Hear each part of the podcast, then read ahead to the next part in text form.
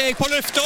Mikrofon og alt har gått til balalaika. Da er det Balalaika med Alf Henden i studio igjen, og vi ser på historiske hendelser i uke åtte. Ja da, og jeg begynner med fødselen av en sannsynligvis meget bestemt gutt. 1949. Martin Kolberg, Ja. politiker Arbeiderpartiet. Stortingsrepresentant i Buskerud fra 2009 til 2021. Han har vært partisekretær i Ap, og når jeg tenker på Martin Kolberg, er det tre stikkord jeg vil trekke fram. Fagforening, fagforening, fagforening.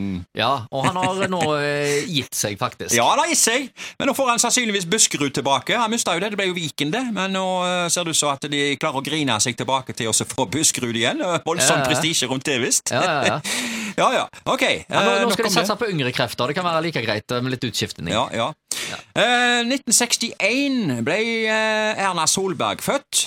Trenger jeg vel si mer. Politiker Høyre. Hun har vært på Stortinget innvalgt for Hordaland da, siden 1989, faktisk. Så var hun kommunalminister i Bondevik II-regjeringen. Sikkert mange som har glemt det. Eh, men der fikk hun kallenavnet Jern-Erna. Ja visst. Så ble hun jo, som alle vet, statsminister i 2013, og ble jo ikke den nye landsmoderen. Vi må nesten si det. Eh, Altså, som politiker så Ja. har hun som statsminister vært veldig populær. Ja, veldig samlende, iallfall. Ja da. Ja da, ja da. Fremstår uh, veldig trygge, da. Ja, Født i 1961, altså. Hendelser eh, Politikken eh, må- kan Ja, ja den, den kan alltid diskuteres, uansett hvem det gjelder. Ja, ja, Eh, hendelser internasjonalt. 1876. Henrik Ibsens Per Gynt blir, blir uroppført på Christiania Teater, og det var faktisk talt med musikk av Edvard Grieg, så de som har vært til stede der, de har fått seg en spesiell opplevelse. 1981. Buckingham Palace kunngjør forlovelsen mellom fyrsten av Wales og også kalt prins Charles, og lady, lady Diana Spencer. Ja. Lady Diana. Ja da, 1981 altså. Hendelser lokalt, kino i uke 8. Denne gangen uh, går vi ikke så himla mange år tilbake i tid. 2004 på Edda. Der gikk der en uh, eventyrfilm med sjuårsgrense og norsk tale. Min bror Bjørnen. Så gikk der en film som heter Paycheck. Det var en uh, science fiction-thriller. Så gikk eh, filmen Den syngende detektiv. Det var amerikansk eh, krigsdrama med 15-årsgrense. Og så gikk Olsenbanden Junior på Rock-On, og så tar jeg med én film til, Kommandante. Det var jo en film av Oliver Stone om Fidel Castro. Ja. Sikkert nok å ta tak i der. Oliver Stone var ekspert på sånne, den type filmer, han. Ja, ja, ja. Ja, ja. Det var altså kinomeny i 2004, og så går vi tilbake til 1967. Melk på kartonger, Haugesunds Avis skrev. Julen har begynt å svive i det nye Haugesund Meieri. I morgen kan en velge om en vil ha melk på to liters pappkartonger eller på de vanlige melkeflaskene. Over påske blir alle typer melk solgt i pappkartonger og i forskjellige størrelser. Altså, Vi gikk altså fra, over fra melk på flasker til kartonger, og rundt 1960 ble òg melkeproduktene å få kjøpt hos den vanlige kolonialhandleren, og ikke hos de sånne særskilte melkebutikker som det fantes en del av på den tida. Ja.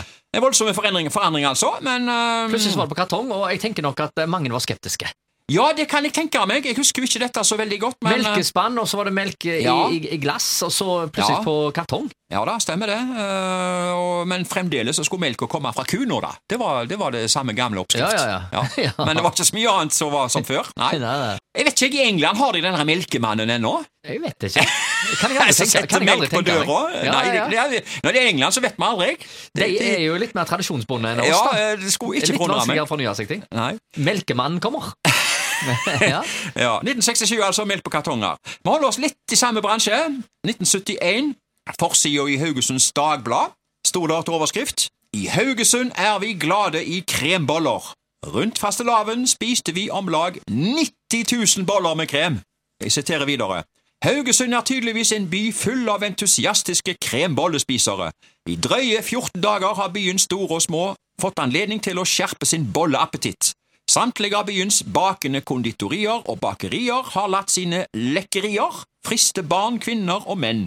Og i de tre dagene før selveste fastelavnssøndag ble det spist ikke mindre enn 90 000 kremboller i Haugesund, får HD opplyst på velinformert bakerhold.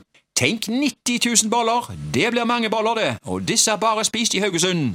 Da var det andre boller. Da var det andre boller. Ja da, du, kan du tenke deg dette, du. 90 000 boller. Jeg har gjerne spist eh, noen få av de, jeg òg. Vet ikke. Ja, Eh, boller eh, det er godt, det, vet du, med, med krem på. Ja. På bollesøndag. Men visste du at jeg, jeg har aldri tenkt på at Haugesund har vært en bolleby?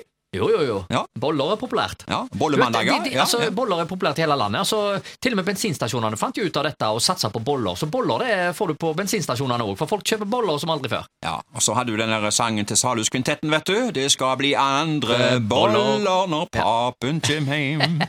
Da er det egentlig Ja. bare én ting å spørre om. Ja. Boller! Hot ja da, boller er hot!